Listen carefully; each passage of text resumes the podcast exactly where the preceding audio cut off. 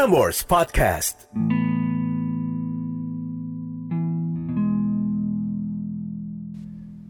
Catatan akhir malam oleh Narendra Pawaka. There is no point in holding a grudge. Either one of us might be dead and gone tomorrow. Malam hari ini ada Jingga yang menulis kehilangan orang tua seperti kehilangan separuh jiwa. Kita nggak akan pernah siap untuk kehilangan mereka. Sebelum gue buka catatan dari Jingga, kaulah muda, come as you were. Ceritakan cerita lo yang sudah lo alami selama dua bulan hidup di tahun 2021. Let it loose, let it flow, let you find your true you through your notes. Tulis dan kirim ke narendrapawaka@gmail.com and I'll see you on the next episode. That's what we do here di podcast Catatan Akhir Malam. Semua cerita dari lo. And we got no judgments tonight. Catatan malam ini dari Jingga. Dear Eda, ini Jingga yang waktu itu pernah kirim catatan juga, semoga masih ingat. Masih ingat Jingga.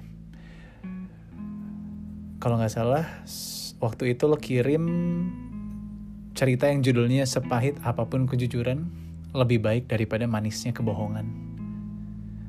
Itu episode catatan akhir malam ke-61. Di awal Oktober 2020. Ya kan, kalau nggak salah waktu itu lo memberanikan diri untuk menuliskan sebuah catatan tentang hidup penuh kebohongan lo, Jingga.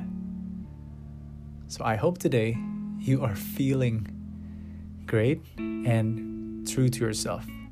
No more lies. Okay, let's deep dive into the note of Jingga malam hari ini.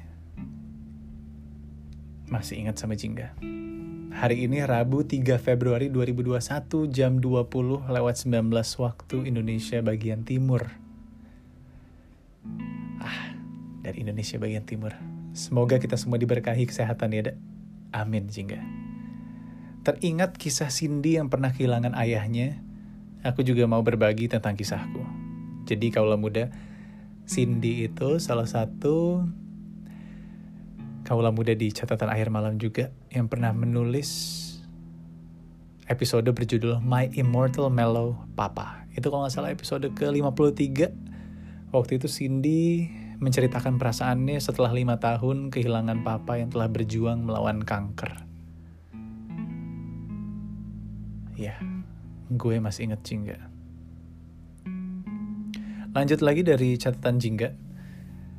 Aku gak bermaksud copycat ceritanya Cindy, tapi aku pikir aku emang harus share ceritaku ini karena ada sesuatu yang bisa dipelajari. Bukan hanya tentang kehilangan.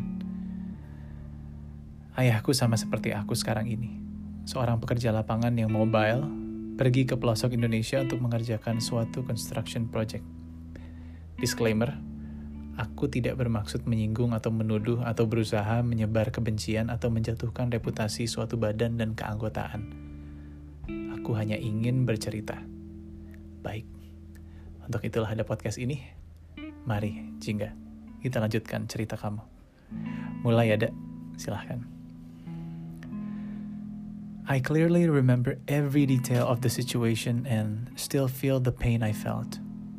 Jumat 5 Juli 2013. Ayah baru pulang dari Lampung.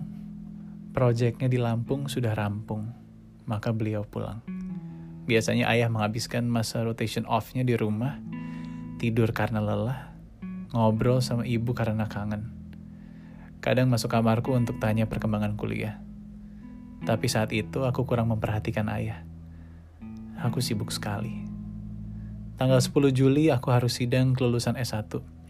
Aku udah atur jadwal agar aku bisa lulus saat ayahku ada di rumah, sebelum ayahku diassign ke project lain.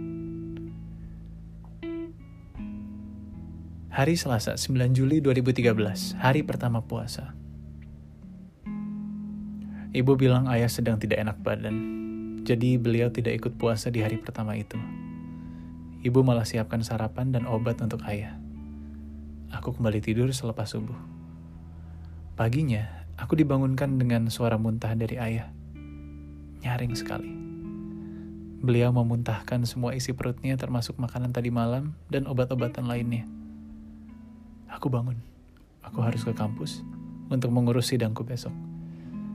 Aku lihat ayah tidur di kamar. Aku tidak tega untuk membangunkannya dan aku hanya pamit pada ibu. Pukul 9 pagi di hari yang sama, kakakku kirim pesan melalui BBM. Dia bilang, ayah kayaknya gawat dek, mau dibawa ke rumah sakit terdekat. Oh iya, saat itu kami gak punya mobil. Dan ekonomi keluargaku belum stabil, karena kami empat bersaudara yang umurnya cukup dekat. Jadi ayah dan ibu harus bekerja keras hanya untuk menyekolahkan kami setinggi mungkin tanpa memikirkan untuk menimbun harta dan kemewahan. Ayah diantar oleh kakakku ke rumah sakit terdekat menggunakan motor. Bonceng bertiga dengan ibuku. Kakakku mengendarai motor, sedang ibuku duduk di ujung jok untuk menjaga ayah supaya tidak jatuh. Karena kondisi ayah sudah sangat payah. Pukul 10.00. Setelah aku buru-buru menyelesaikan urusan di kampus, Aku meminta temanku untuk mengantarku ke klinik yang disebutkan kakakku tadi. Rumah sakit khusus, dalam tanda kutip, anggota pengabdi negara. Ini bukan nama rumah sakitnya, hanya sebutanku saja. Pukul 11.30, aku lihat ayah duduk di koridor rumah sakit. Wajahnya pucat, bahkan hampir kebiruan. Hanya berbalutkan celana dan jaket training panjang. Sedangkan ibu, daster yang ketiaknya robek. Bahkan ibu lupa pakai sandal. Petugas rumah sakit meminta kami menunjukkan kartu keanggotaan. Tapi, ibu hanya bisa memohon agar ayah dibantu. Tolong selamatkan suami saya. Tolong bantu kami. Karena kami tidak punya kartu keanggotaan apa pun. Petugas kembali bilang bahwa jika bukan anggota, tidak bisa berobat di rumah sakit ini. Ibu memohon sambil nangis, tapi tidak didengar. Saat itu aku yang masih kecil Usiaku masih 20 tahun. Aku mati kutu kebingungan dan hanya berdiri kaku melihat situasi itu. Kakakku mencoba membujuk petugas. Jika tidak bisa ditangani di rumah sakit ini, maka izinkan kami meminjam ambulans dan tabung oksigen untuk mencari rumah sakit lain, karena ayah sepertinya sudah sangat kesulitan bernafas. Tapi kami ditolak juga, Dek. Pukul 12.00, ada driver taksi berwarna biru sepertinya memperhatikan kami dari jauh. Bapak yang hatinya sangat mulia ini menawarkan pertolongan. Beliau mengantar kami untuk mencari rumah sakit umum lain. Kakakku di depan dengan motornya berusaha membuka jalanan yang macet. Sedangkan ibu di jok belakang taksi memeluk ayah sambil membaca syahadat. Aku dengar ayah ikut melafalkan surat-surat Al-Quran yang ibu ucapkan. Ya Allah, tolonglah hambamu ini tolongkan suami hamba. Rintihan terakhir yang aku dengar sebelum tiba di rumah sakit. Pukul 12.30 sampai di rumah sakit umum yang lain. Entah udah berapa menit ayah ditangani di ruang emergensi, namun terlambat. Saat dokter mengabarkan berita itu, isi kepalaku hening. Walau di pelukanku ibu menjerit sejadi-jadinya. Dan sekarang, dak, aku bahkan masih bisa jelas mendengar suara tangisan ibu. Suara ibu melantunkan doa-doa agar ayah ditolong oleh Allah Subhanahu wa taala di dalam taksi. Bayangan betapa menderitanya ayah selama perjalanan. I've been through a lot of pain, but this one is the worst. Dan memang benar itulah jawaban Allah. Jawaban atas doa ibu. Allah saat itu benar-benar sedang menolong ayah. Mencabut semua rasa sakitnya tidak membiarkan ayah menderita lebih lama. Allah itu baik dah. Tapi ayah hebat. Di saat sakaratul mautnya, beliau masih mampu melafalkan ayat-ayat Al-Quran dan syahadat. Banyak penyesalan. Seandainya ini, seandainya itu, kami masih bisa berusaha lebih baik, tapi takdir.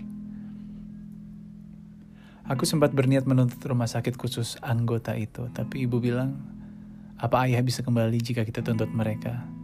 Apa dendam bisa mengembalikan ayah? sudah habis kata-kataku. Aku ikhlas.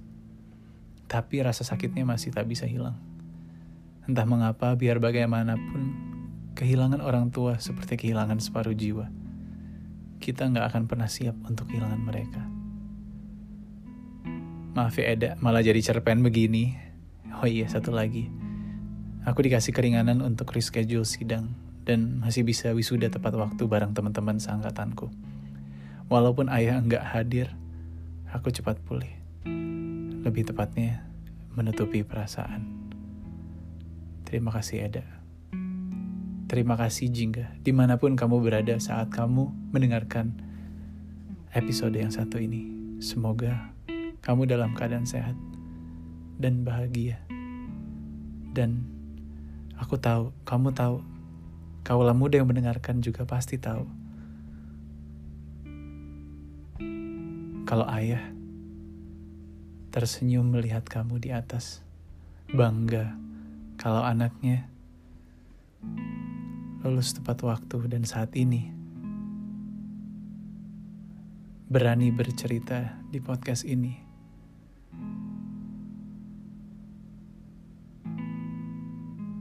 Atas dasar kerinduan yang sangat berarti bagi ayah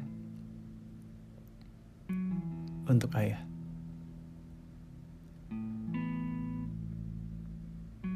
Once again, thank you untuk Jingga di Indonesia bagian timur. Um, gue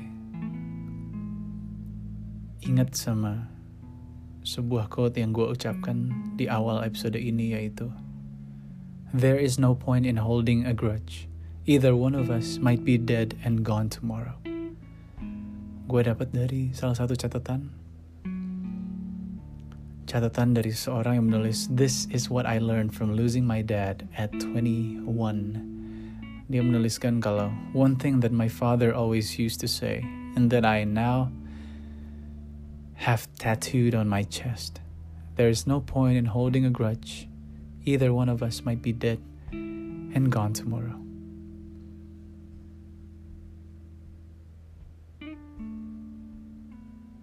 And I'm hoping to let you know that there are positives that we can take from every situation in life, despite not being able to see them straight away. They are there. So look carefully. Last and definitely not the least, a fortune saying buat kamu yang berulang tahun di tanggal 23 Februari dan lahir di tanggal 23 Februari. You will always enjoy good health and prosperity. You are farsighted, determined, and well balanced. Just and loving, you are generally well liked by all of your friends and associates. Your home is very dear to you. My name is Narendra Pawaka, and this is Catatan Akhir Malam. Have a good night, sleep tight, and don't let the bad bugs bite.